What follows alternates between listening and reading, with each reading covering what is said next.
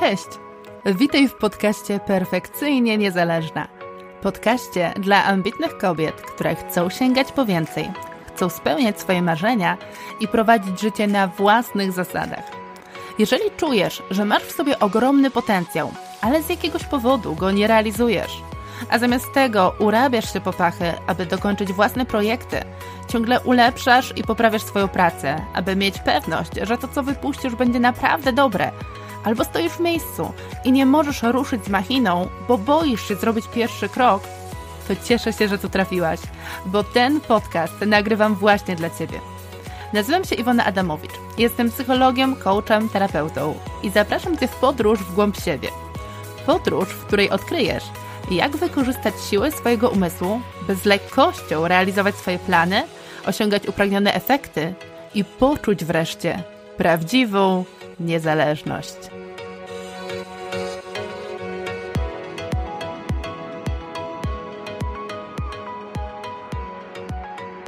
No cześć, witaj w kolejnym odcinku. Dzisiaj porozmawiamy trochę o tym, do jakich problemów doprowadza perfekcjonizm, a właściwie jakie problemy my widzimy w swoim życiu, które tak naprawdę mają swoje źródło w perfekcjonizmie. Bo tak jak już Ci nieraz wspominałam w poprzednich odcinkach, perfekcjonizm to jest taki bardzo złożony konstrukt. To jest coś, co jest wielowymiarowe. On się składa z bardzo wielu poziomów, z bardzo wielu wątków, towarzyszy mu ogromna ilość cech, zachowań, i nie da się tego określić jako coś pojedynczego. Nie da się powiedzieć tylko i wyłącznie, że ktoś uwielbia być perfekcyjny i wtedy jest perfekcjonistą. Bo na perfekcjonizm składa się zdecydowanie więcej cech, więcej zachowań, e, większa ilość różnego rodzaju sposobów reagowania, sposobów myślenia, e, różnych nawyków, które w życiu przejawiamy. I to jest trochę podobnie jak z zebrą.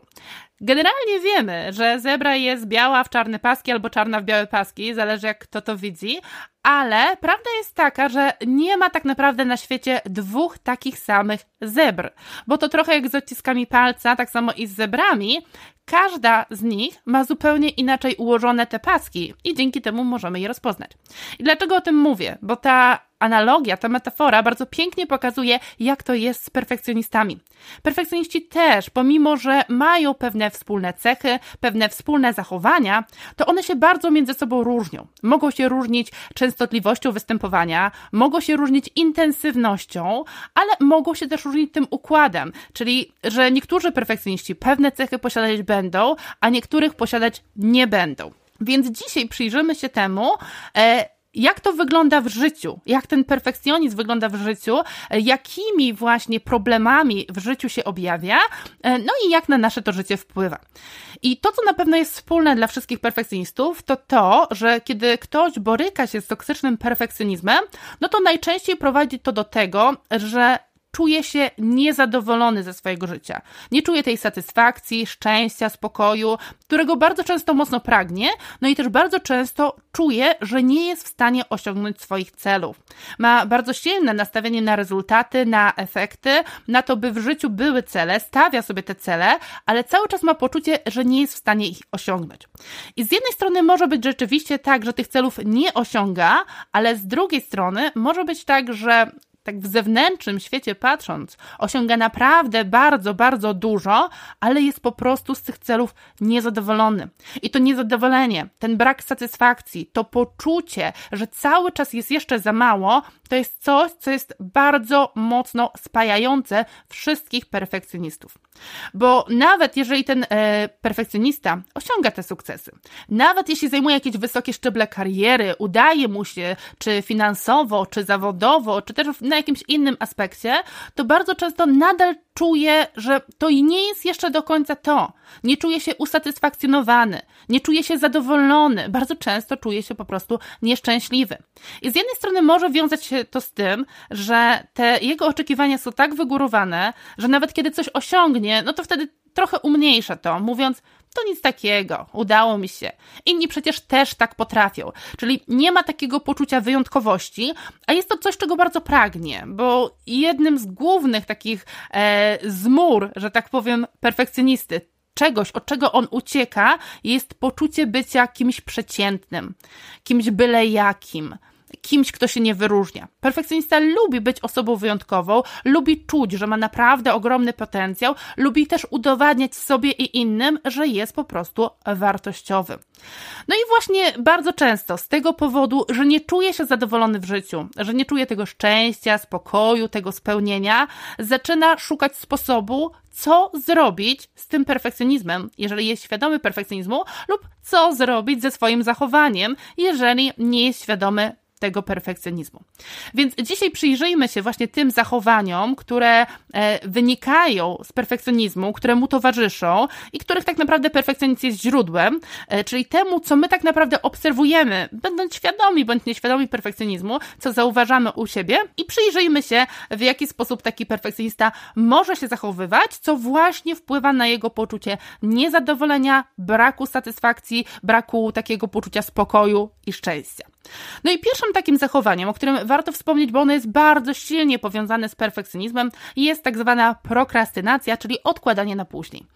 I generalnie my często myślimy, że osoby, które prokrastynują, to osoby, które są leniwe, którym się po prostu nie chce. I to nie jest prawda. To jest bardzo taki druzgocący mit, druzgocący w tym sensie, że osoby, które mają problem z prokrastynacją, one bardzo mocno chcą one naprawdę chciałyby zrobić to zadanie, chciałyby to wykonać, chciałyby to dokończyć, chciałyby, żeby to już zaistniało, ale z jakiegoś powodu nie mogą. Coś je blokuje i w ogóle nie wiedzą dlaczego. No i problem polega na tym, że one już same ze sobą się czują źle z tego powodu, że tego nie robią. Jeśli ktoś jeszcze im w tym momencie dokłada, że są leniwe, że im się po prostu nie chce, że za mało się starają, to to je jeszcze bardziej dobija. Bo tak jak mówię, one bardzo chcą. One czują potrzebę, by wykonać to działanie, by osiągnąć ten rezultat, by to się zadziało w ich życiu, ale nie potrafią, nie potrafią się zmobilizować, nie potrafią zacząć działać, bo coś ich blokuje i bardzo często nawet nie wiedzą co. A skoro nie wiedzą co, to tym trudniej jest im to przeskoczyć, tym trudniej jest im coś zmienić. I tym czymś, co najczęściej je blokuje, jest po prostu strach. I to może być zarówno strach przed porażką, przed tym, że mi się nie uda, że mm, odniosę niepowodzenie, tak, że popełnię jakieś błędy. Może być też strach przed ciężką pracą, że żeby coś zrobić, no muszę się teraz napracować, a czuję, że no nie mam tyle siły, nie mam tyle energii, żeby tą ciężką pracę wykonać. Może być strach przed oceną innych, czyli taka obawa, że kiedy skończę tą pracę, no to wtedy ktoś ją będzie oceniał. No i co z tego wyjdzie, jak ją oceni, a finalnie jak oceni mnie. Może być taki strach, że coś pójdzie nie tak, że zdarzą się jakieś nieprzewidywalne sytuacje, w których sobie nie poradzę, a to będzie niosło ze sobą jakieś nieprzyjemne konsekwencje dla mnie. Coś się może nie uda, coś się wysypie, być może przez to coś stracę. Ale również może pojawić się strach przed sukcesem, czyli co się zdarzy, jeśli mi się uda. Bo może jednak, jak odniosę sukces, to stanie się coś takiego, czego się teraz boję. Być może wpłynie to jakoś na moje życie. Być może coś się skończy, albo coś się rozpocznie. Być może coś się zmieni. Coś, na co nie jestem w tym momencie gotowa. Że czuję, że być może właśnie sobie nie poradzę, albo nie chcę, żeby się zmieniło, bo boję się, że będzie to niosło ze sobą zbyt duże koszty. Więc może być tak, że boję się tego, co będzie później, kiedy już odniosę sukces, bo jest to coś, co jest dla mnie zupełnie nowe, co jest nieznane, coś, nad czym nie mam kontroli, więc budzi to we mnie niepewność, budzi to we mnie strach, no i jest to dla mnie pewnego rodzaju zagrożenie, tak? Zagraża mojemu poczucia bezpieczeństwa. Tak więc ten strach, który jest tak silny i paraliżuje perfekcjonistę, nie pozwala mu działać, może powodować, że właśnie on zacznie odkładać na później, albo kiedy nawet już rozpocznie swoje działanie, to bardzo długo będzie je kończył, yy, będzie odkładał na później ten moment zakończenia, bo dzięki temu, że to odkłada, konsekwencje, jakie może przynieść ukończenie tego działania, będą odroczone w czasie. Dzięki temu w tym momencie może czuć się lepiej i czuć się bezpieczniej. I nie trzeba się po prostu z tym wszystkim teraz mierzyć. Można to zrobić później. A później, kto wie, może bardziej się przygotuje, może będzie jakaś lepsza opcja, może uda mi się jakoś przed tym wszystkim zabezpieczyć, czegoś jeszcze dowiedzieć, douczyć, w jakiś sposób zrobić tak, żeby to wszystko, co mnie przeraża, to wszystko, czego się boję, nie było już tak straszne. Niestety, w konsekwencji takiego zachowania bardzo często wszystko zaczyna robić na ostatnią chwilę. No i z jednej strony ktoś mógłby powiedzieć, ale to, to jest dobre. Ja tak lubię. Kiedy ja zostawiam wszystko na ostatnią chwilę, kiedy przychodzi deadline, to ja się potrafię tak zmobilizować, że w trzy godziny ja potrafię zrobić zdecydowanie więcej niż wcześniej w tydzień.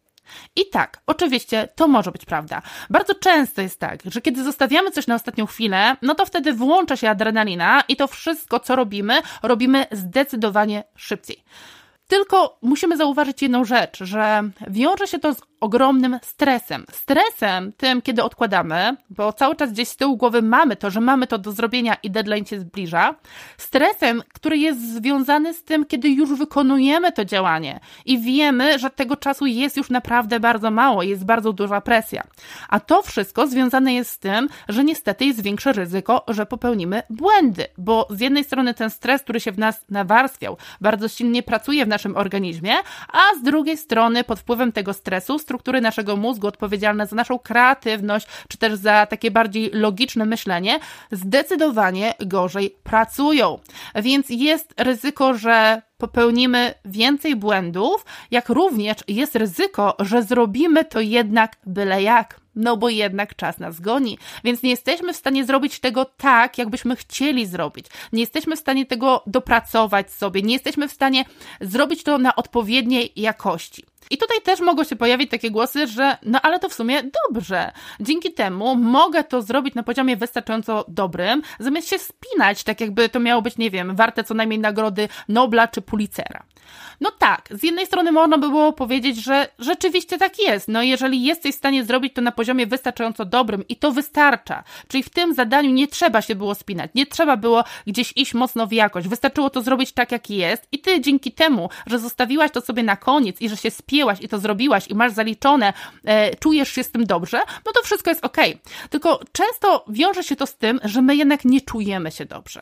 Że kiedy my to zrobiliśmy tak byle jak, tak na odwal, tak na odczepnego, to mamy potem takie poczucie winy, że to tak zrobiliśmy i czujemy w sobie taką frustrację, że kurczę, mogłabym to zrobić lepiej. Mogłoby to być inaczej, gdybym tylko umiała wcześniej się zmobilizować. No i jeżeli mamy w sobie takie uczucie, że znowu zawaliłyśmy, znowu nie poszło po naszej myśli, znowu ten rezultat nie jest taki, jakiego oczekiwałyśmy, to tak jakby ta pętla strachu po prostu dalej się ciągnie, toczy koło, no bo teraz boję się kolejny raz, że znowu zrobię to samo, że znowu nie będzie takiego efektu, jakbym chciała. Więc kolejne zadanie, które mam wy do wykonania, też zaczyna we mnie generować strach. No a kiedy pojawia się strach, to zaczynam odkładać na później, więc znowu robię na ostatnią chwilę, no i znowu jestem niezadowolona z efektu. No i tak dalej, i tak dalej, i tak dalej się kończy. E, no i to wszystko kończy się tym, co właśnie najczęściej przeżywa perfekcjonista, czyli tym właśnie poczuciem niezadowolenia z siebie, tym, że nie ma takiego rezultatu, jaki by chciał mieć, że nie czuje się szczęśliwy, nie ma tego spokoju i nie ma tego spełnienia.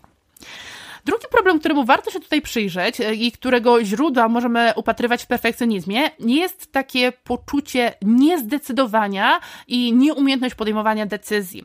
Generalnie wygląda to w ten sposób, że wybory dla perfekcjonisty stają się bardzo trudne. I to również może wpływać na to, że zacznie on odkładać pewne działania na później, szczególnie jeżeli te działania związane są z tym, że musi podjąć jakieś decyzje. No bo jeżeli nie umie podjąć tej decyzji, no to wiadomo, że dalsza część tych działań działań też nie pójdzie dalej. Więc może to się z jednej strony wiązać z prokrastynacją, ale nie musi. Problem z podejmowaniem decyzji bardzo mocno związany jest z tym, że nam zależy na tym, by od razu, za pierwszym razem, wybrać najlepszą możliwą opcję. I często podchodzimy do tego w ten sposób, jakby nie było szansy zmiany później, jakby nie było takiej możliwości, że my później coś zmienimy, że to, co wybierzemy teraz, będzie miało bardzo duży wpływ, będzie bardzo mocno decydowało na nasze życie lub jakiś jego aspekt, więc już teraz od razu musimy podjąć najlepszą możliwą decyzję. No i co za tym idzie? No jeżeli chcemy podjąć najlepszą możliwą decyzję, to najpierw musimy się dowiedzieć, jakie są możliwe opcje. Więc na początku studiujemy te wszystkie opcje, sprawdzamy, żeby czegoś nie przegapić, żeby czegoś nie przeoczyć, żeby na pewno to były najlepsze opcje do wyboru. Kiedy już te opcje są, mamy rozpisane, no to wtedy każdą z nich też gruntownie chcemy sprawdzić, przestudiować, żeby wtedy móc porównać i rzeczywiście wybrać to, co jest dla nas najlepsze. A kiedy już wybierzemy to, co jest dla nas najlepsze, to nadal nam to nie bo sprawdzamy ją po raz kolejny, dokładnie weryfikujemy, by nawet 15 razy, tak, posprawdzać, upewnić się, że to jest na pewno ok. Bardzo często też poszukujemy wtedy takiego logicznego wytłumaczenia, dlaczego taki wybór podjęliśmy. Bardzo sobie racjonalizujemy, ale też szukamy dowodów na zasadzie potwierdzenia u kogoś lub w czymś, czyli żeby ze świata zewnętrznego ktoś nam potwierdził, że rzeczywiście dobrze robimy i rzeczywiście dobrze postępujemy. I to jest bardzo silnie związane z taką potrzebą maksymalizacji, czyli żeby wszystko było najlepsze, najwyższej jakości i żeby również te wybory były tymi dobrymi wyborami, najlepszymi z możliwych, e, z najlepszych opcji.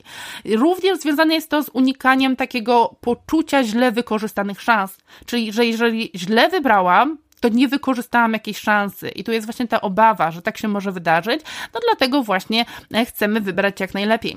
E, bardzo często, kiedy mamy do podjęcia taki wybór, no to e, pojawiają się myśli, a co będzie gdy? A co będzie, jeśli jednak źle wybiorę? A co wtedy mogę stracić? A co będzie, jeśli jednak będę tego żałować? I chociaż tak naprawdę w tym momencie my jeszcze nie wiemy, jakie konsekwencje przyniesie ten wybór, bo bardzo często są to konsekwencje, których nie jesteśmy w stanie przewidzieć. Nie umiemy do przodu wyjść, y, przewidzieć tej przyszłości, co się stanie, ale my jednak chcielibyśmy już teraz wiedzieć jak najwięcej, więc już teraz zaczynamy się martwić tym, co może być później. I żeby podać taki przykład, to bardzo często zdarza się też tak, powiedzmy, że ktoś postanawia założyć własny biznes, własną firmę, e, no i ma dokonać wyboru w związku z tym, jaki będzie jego branding, czyli jakie kolory będzie miała jego marka, być może jakich fontów używa i tym podobne, e, jak, jaka czcionka i generalnie jak to będzie wyglądało wizualnie. I Problem polega na tym, że my bardzo często skupiamy się na detalach, na szczegółach, na bardzo drobnych rzeczach, które tak naprawdę zajmują nam bardzo dużo czasu, a mogą wcale nie mieć znaczenia, jeżeli chodzi o to, w jaki sposób coś funkcjonuje. Czyli właśnie tutaj skupiamy się na przykład na tych kolorach, na tych czcionkach i poświęcamy na to tydzień, miesiąc czasu, zastanawiając się nad psychologią kolorów, nad tym, jak to się ze sobą łączy, co to mówi i tym podobne, jaki jest tutaj odbiór i poświęcamy na to tydzień czy miesiąc czasu, mimo, że tak naprawdę nie przyczynia się to do tego, że ta firma się rozwija i że ten biznes zaczyna na siebie zarabiać. A my jednak skupiamy się na tym bardzo mocno, wierząc, że jeśli źle wybierzemy kolory, to będzie zły odbiór naszej marki i wtedy może to zakłócić naszemu sukcesowi. No i też mają takie przekonanie w sobie, że jeśli teraz już wybiorę, to ja nie będę mogła tego zmienić ja nie będę mogła nic z tym zrobić, no bo jak? Jak ja się ludziom wytłumaczę? Jak ja to po prostu zmieniam? Więc tu jest taki błąd, który się pojawia w naszym myśleniu, że to, co my teraz decydujemy, to, co my teraz wybieramy, jest bardzo trwałe i że nic więcej nie będzie się dało z tym zrobić, co też nas bardzo silnie blokuje. I szczególnie wyraźny e, jest ten problem z podejmowania decyzji, jeżeli dotyczy on jakichś ważnych rzeczy w naszym życiu, jak na przykład wybór zawodu, wybór pracy, miejsca zamieszkania czy życiowego partnera. To są rzeczy, o których bardzo często właśnie myślimy w sposób trwały, że to wybieramy tylko jeden raz na całe życie albo dosłownie kilka razy. I nie chcemy tutaj popełnić błędu, chcemy wybrać od razu bardzo dobrze, e, po to, by nie tracić czasu na te błędy, między innymi, ale też po to, by mieć to poczucie dobrze wykorzystanych szans. Więc tu bardzo często czujemy się zblokowani. I kiedy czujemy się tak zblokowani, no to też jeszcze mocniej czujemy tą potrzebę potwierdzenia z zewnątrz, e, czyli możemy pytać innych, co na ten temat myślą, szukać różnego rodzaju dowodów, e, opinii i tym podobne. Generalnie chcemy, żeby ktoś lub coś nam potwierdziło, że my rzeczywiście dobrze robimy, no i wtedy dopiero czujemy się spokojniejsi z tym naszym wyborem, a kiedy już go podejmiemy, no to zaczynamy sobie racjonalizować, że rzeczywiście był to dobry wybór. Natomiast powoduje to bardzo często e, taki stan, że po pierwsze jest w nas bardzo dużo tej niepewności, no bo cały czas gdzieś tam jest to poczucie, czy, czy na pewno dobrze wybrałam, a po drugie to, że stajemy się troszkę z zewnątrz sterowni, no bo czując tą potrzebę potwierdzeń, jednocześnie dajemy sygnał, że nie ufamy sami sobie, nie ufamy swoim wyborom, nie ufamy swoim decyzjom, przez co zmniejsza się nasze takie poczucie sprawczości, poczucie wpływu w naszym życiu, no a to znowu powoduje, że czujemy się niezadowoleni, niespełnieni i nieusatysfakcjonowani. Okej, okay. no i kolejny problem, który jest bardzo mocno związany z perfekcjonizmem, to jest brak asertywności. I to jest szczególnie widoczne u osób, które przejawiają u siebie perfekcjonizm relacyjny, o którym zresztą e, mówiłam więcej w poprzednim odcinku, więc jeśli jeszcze go nie oglądałaś, to serdecznie Cię zapraszam. I brak asertywności może pojawiać się również u perfekcjonistów zadaniowych, chociaż zazwyczaj wygląda on trochę inaczej. Zacznijmy więc od tych perfekcjonistów relacyjnych. Perfekcjoniści relacyjni generalnie mają bardzo silną potrzebę by być odpowiedzialnym za relacje, za to, jak inne osoby czują się w moim towarzystwie. No i z tego względu, ponieważ czują tę odpowiedzialność, że te relacje to od nich zależą i że to oni mają na to wpływ i że to oni muszą o nie zadbać, no to bardzo rzadko odmawiają wyświadczenia jakiejś przysługi, zrobienia czegoś dla innych osób, nawet jeśli odbywa się to ich własnym kosztem. Mogą więc oni być skłonni do tego, żeby na przykład porzucić swoje własne plany, jakieś działania, coś, co mieli wcześniej e, zaplanowane, coś, co chcieli zrobić, zrezygnować z czegoś, co było dla nich ważne, tylko po to, by kogoś zadowolić, albo by uniknąć jakiegoś konfliktu, lub by załagodzić sytuację, kiedy już ten konflikt się pojawił. Mogą mieć też takie wrażenie, że kiedy sprzeciwią się komuś, kiedy wyrażą swoje własne zdanie lub kiedy będą mieli zupełnie inny pogląd na jakąś sprawę niż dana osoba, no to wtedy ta osoba po prostu ich odrzuci, odtrąci, nie zaakceptuje. A to jest coś, czego bardzo mocno się boją, ponieważ e, bardzo czują potrzebę tego, by zasługiwać na miłość, by zasługiwać na uznanie, by zasługiwać na akceptację, więc boją się tych sygnałów, które mogłyby pokazać, że tak nie jest.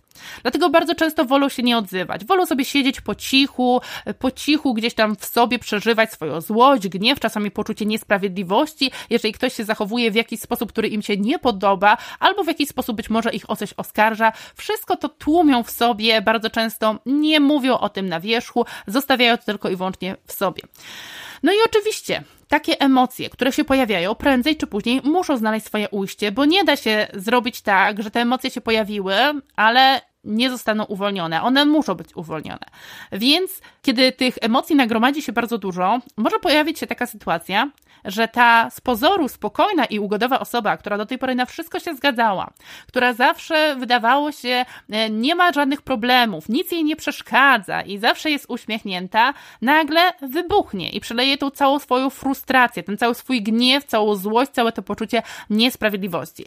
No i niestety najczęściej zdarza się tak, że ona wybucha tam, gdzie czuje się bezpieczniej, czyli wśród ludzi, którzy tak naprawdę są dla niej ważni, którzy ją wspierają, ale którzy też już ją zdecydowanie bardziej akceptują. Czyli kończy się na tym, że na przykład jeżeli w pracy nie mogła wyrzucić tej złości, to potem wyrzuca ją na partnera lub dzieci. Co niestety wiąże się z tym, że te relacje zaczynają być zachwiane.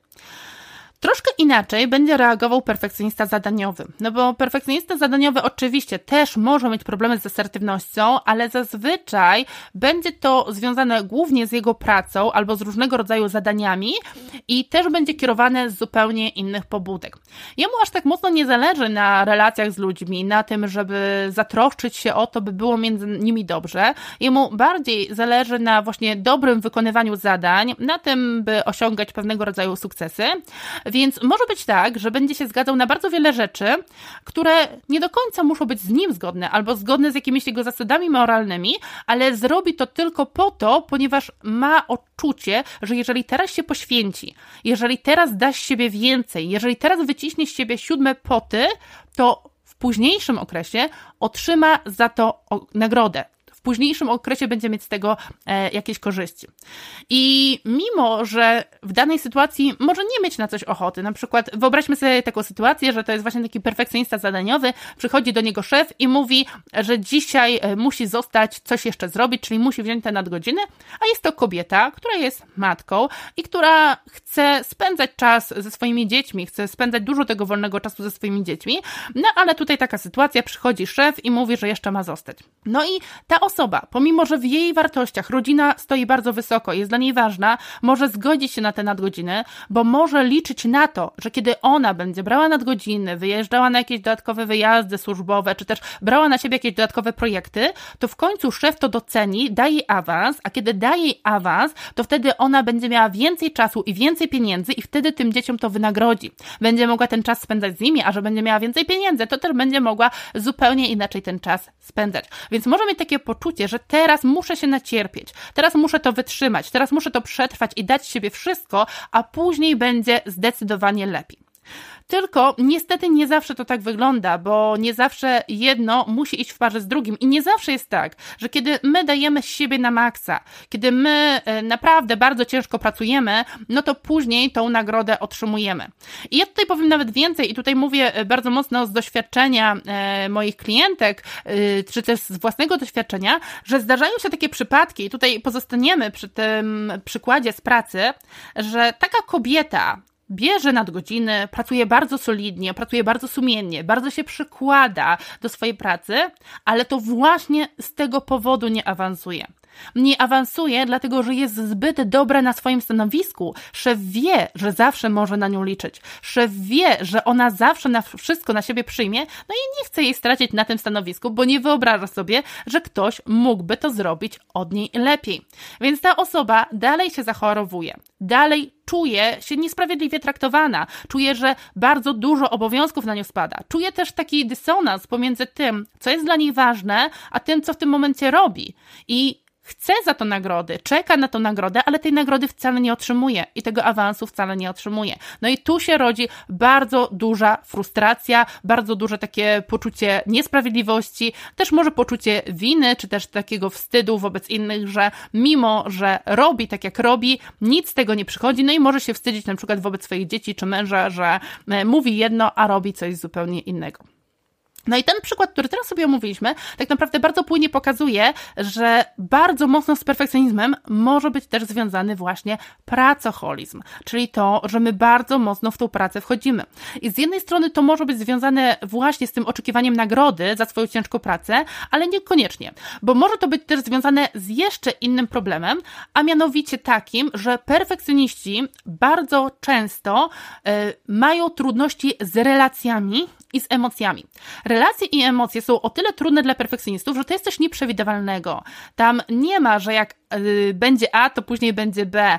Tam nie da się tego ułożyć w jakieś sztywne ramy. Tam dużo się dzieje w sposób taki nielogiczny, nieracjonalny, nieprzewidywalny, a to jest dla perfekcjonisty bardzo trudne, ponieważ on lubi, kiedy wszystko jest bardziej zadaniowe, e, kiedy wszystko jest bardziej ułożone od deski do deski, zgodne z jakimiś zasadami, regułami, kiedy ma określone procedury. No i niestety w emocjach i w relacjach tego nie ma. I to może sprawiać temu y, perfekcjoniście ogromną trudność, bo nie da się tego kontrolować. Więc kiedy czuje tam trudność, to może od tego uciekać. Jeżeli na przykład ma jakieś problemy w relacjach, na przykład w związku partnerskim, no to może zacząć uciekać w pracę. Szczególnie jeżeli jego praca polega na tym, że właśnie tam są zadania do wykonania i tam można sprawować większą kontrolę, no to wtedy taki perfekcjonista właśnie będzie to robił. Będzie starał się osiągnąć sukcesy na tamtym polu, żeby w jakiś sposób sobie zrekompensować to, co dzieje się w jego związku czy w innych relacjach. No i ponieważ te sukcesy udowadniają mu w jakiś sposób jego wartość, dzięki nim czuje się kimś ważnym, kimś lepszym, to tam czuje się jak ryba w wodzie i tam chce w szczególności przebywać czuję wtedy, że naprawdę tutaj w tym miejscu gra jest warta świeczki, bo tutaj mam wpływ, tutaj mogę działać, tutaj mogę coś zrobić, natomiast tam w relacjach to jest po prostu totalny chaos, czego perfekcjoniści bardzo nie lubią. No i kolejny problem, o którym warto tutaj wspomnieć, e, związany z perfekcjonizmem, to jest e, różnego rodzaju zmęczenie, również bezsenność czy nadmierny stres. Powiedziałam różnego rodzaju zmęczenie, bo to zmęczenie z jednej strony może być zarówno fizyczne, czyli kiedy na przykład bardzo ciężko pracujemy, tak, bardzo dużo z siebie dajemy, no to może się pojawić to zmęczenie fizyczne, ale również zmęczenie psychiczne. I to może dopadać chociażby te osoby, które e, borykają się z prokrastynacją, bo one mogą być już zmęczone tym, że ciągle chcą, ciągle próbują się zmusić, ciągle próbują się zmotywować, a im nie wychodzi i przez to cały czas ich projekty nie posuwają się do przodu, no i przez to e, ciągle nie mają tych efektów, ciągle nie mają w życiu tego, czego chcą. I tutaj mogą czuć się naprawdę bardzo silnie tym zmęczone. Druga sprawa jest taka, że perfekcjonista, jako osoba, która jest nastawiona przede wszystkim na produktywność, na taką efektywność, na osiąganie celów, rezultatów i sukcesów, mm, nie będzie widziała zbyt dużej wartości w odpoczynku. Generalnie może nie potrafić odpoczywać. Kiedy pozwala sobie na odpoczynek, to może mieć takie poczucie straty czasu, poczucie właśnie, że jest leniwa w tym momencie i rzadko kiedy może robić sobie wolne dni, czy też wyjeżdżać na urlopy. A jeśli nawet takie wolne dni sobie robi, no to bardzo często spędza je na innej formie pracy, typu sprzątanie, gotowanie, różnego rodzaju kursy czy warsztaty doszkalające. I oczywiście taka forma pracy może być relaksująca, to może być relaks dla kogoś, bo rzeczywiście może być tak, że ktoś powie: Ja najlepiej relaksuję się, kiedy pielę sobie w ogródku. Tak rzeczywiście jest, ale pod jednym warunkiem, że ta osoba to pielenie w ogródku nie potraktuje w sposób perfekcjonistyczny. Czyli nie będzie to kolejne zadanie do wykonania, kolejne zadanie do odchoczenia na mojej liście to do, w którym liczy się efekt i liczy się to, jak to wykonam, e, tylko będzie to coś, co samo w sobie będzie sprawiało przyjemność. Czyli sam proces, samo to pielenie będzie odpoczynkiem, będzie relaksem i bez względu na to, czy ja dzisiaj skończę ten ogródek, czy go nie skończę, czy on będzie pięknie wyglądał, czy zostawię go rozgrzebanym, czuję się dobrze, czuję się szczęśliwa i spełniona, że ten ogródek pielę. To wtedy rzeczywiście może być to forma relaksu. Ale niestety u perfekcjonisty często wygląda to inaczej. Czyli na zasadzie właśnie jest zapisane wypielić ogródek, a wypielić to znaczy uzyskać określony efekt.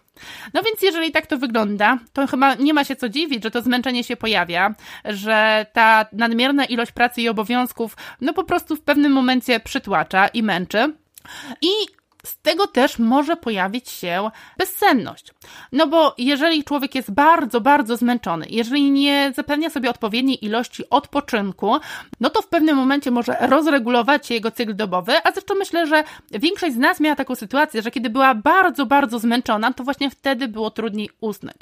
Tutaj też warto zwrócić uwagę na fakt, że perfekcjonista bardzo często też ma tak, że przed zaśnięciem bardzo wiele myśli kłębi mu się w głowie. To wszystko gdzieś tam wiruje i jest jeden wielki chaos, co też utrudnia zaśnięcie.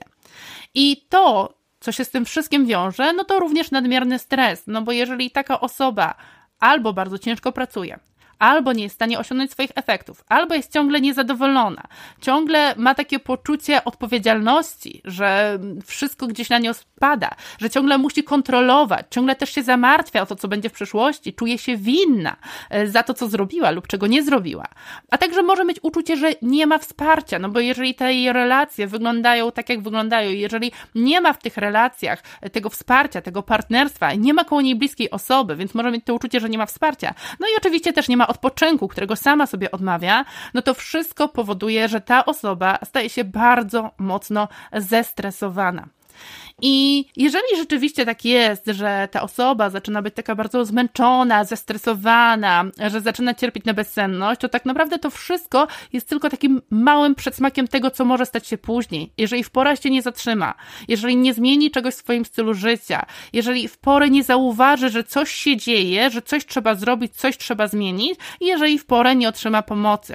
Bo niestety, kiedy długo przebywa się w takim stanie, no to prędzej czy później musi to doprowadzić do katastrofy, tak? Tak? I ta katastrofa może się objawiać w bardzo różnych postaciach. No, u mnie między innymi było też właśnie w ten sposób, że tak dużo tej frustracji, presji, takiego poczucia winy, takiego samokrytycyzmu i tego wszystkiego doprowadziło po prostu do wypalenia. No i to też bardzo często się zdarza. I tych konsekwencji, które się mogą pojawić, tak naprawdę jest zdecydowanie więcej, e, ale o nich opowiem więcej w kolejnym odcinku. Porozmawiamy sobie wtedy o ciemniejszej stronie e, perfekcjonizmu, czyli to, do czego może nas doprowadzić. Dzisiaj natomiast chciałam zwrócić uwagę na te problemy, które my możemy zauważyć i żebyśmy miały świadomość, że to też ma źródło w perfekcjonizmie, że to też ma źródło w tych naszych zachowaniach perfekcjonistycznych i że właśnie dlatego praca z perfekcjonizmem jest dla nas tak ważna. Praca z tym, by przejść od tego perfekcjonizmu toksycznego do perfekcjonizmu praktycznego, który zacznie nas wspierać, zacznie nam pomagać, no i dzięki któremu zaczniemy odczuwać satysfakcję, spełnienie, szczęście, spokój, no bo przecież tak naprawdę o to wszystko nam chodzi. Przecież po to to wszystko robimy, prawda? Okej, okay. na dzisiaj to będzie tyle w tym odcinku. Zapraszam Cię serdecznie do kolejnego odcinka, e, o którym właśnie już wspomniałam i który tak naprawdę będzie kontynuacją tego, co dzisiaj powiedziałyśmy, ale na trochę głębszym poziomie. Natomiast jestem bardzo ciekawa, czy dzisiaj w tym odcinku odnalazłaś coś dla siebie, czy coś było dla Ciebie takim momentem aha, momentem, w którym stwierdziłaś tak, to o mnie, o teraz w końcu coś rozumiem, teraz w końcu widzę, jak to działa i być może coś dla siebie odkryłaś. Jeżeli masz ochotę, to podziel się ze mną w komentarzu e, swoimi odkryciami lub w grupie na Facebooku Perfekcyjnie Niezależne, gdzie wspólnie pracujemy nad poskramianiem toksycznego perfekcjonizmu i wzmacnianiem poczucia własnej wartości. Przypominam też, że w opisie tego odcinka znajdziesz link do testu, czy jesteś księżniczką perfekcjonizmu, więc jeśli jeszcze go nie wypełniłaś, to serdecznie Cię do tego zapraszam. Test zajmuje dosłownie 5 minut, jest dla Ciebie całkowicie bezpłatny i pomoże Ci sprawdzić, czy problem perfekcjonizmu, w szczególności tego perfekcjonizmu toksycznego, to jest coś, co właśnie Ciebie dotyczy. A jeżeli podobał Ci się dzisiejszy odcinek, jeżeli znalazłaś w nim dla siebie coś wartościowego i chciałabyś się nim podzielić z innymi, by również inne kobiety, które być może w tym momencie borykają się właśnie z tym problemem, mogły wyciągnąć również dla siebie jakieś ważne i wartościowe rzeczy, to zapraszam Cię do tego, byś pozostawiła po sobie ślad w postaci kciuka w górę, subskrypcji, komentarza czy udostępnienia, w zależności od tego, gdzie tego odcinka słuchasz. Dziękuję Ci serdecznie dzisiaj za wysłuchanie i do usłyszenia w kolejnym odcinku. Cześć, pa pa!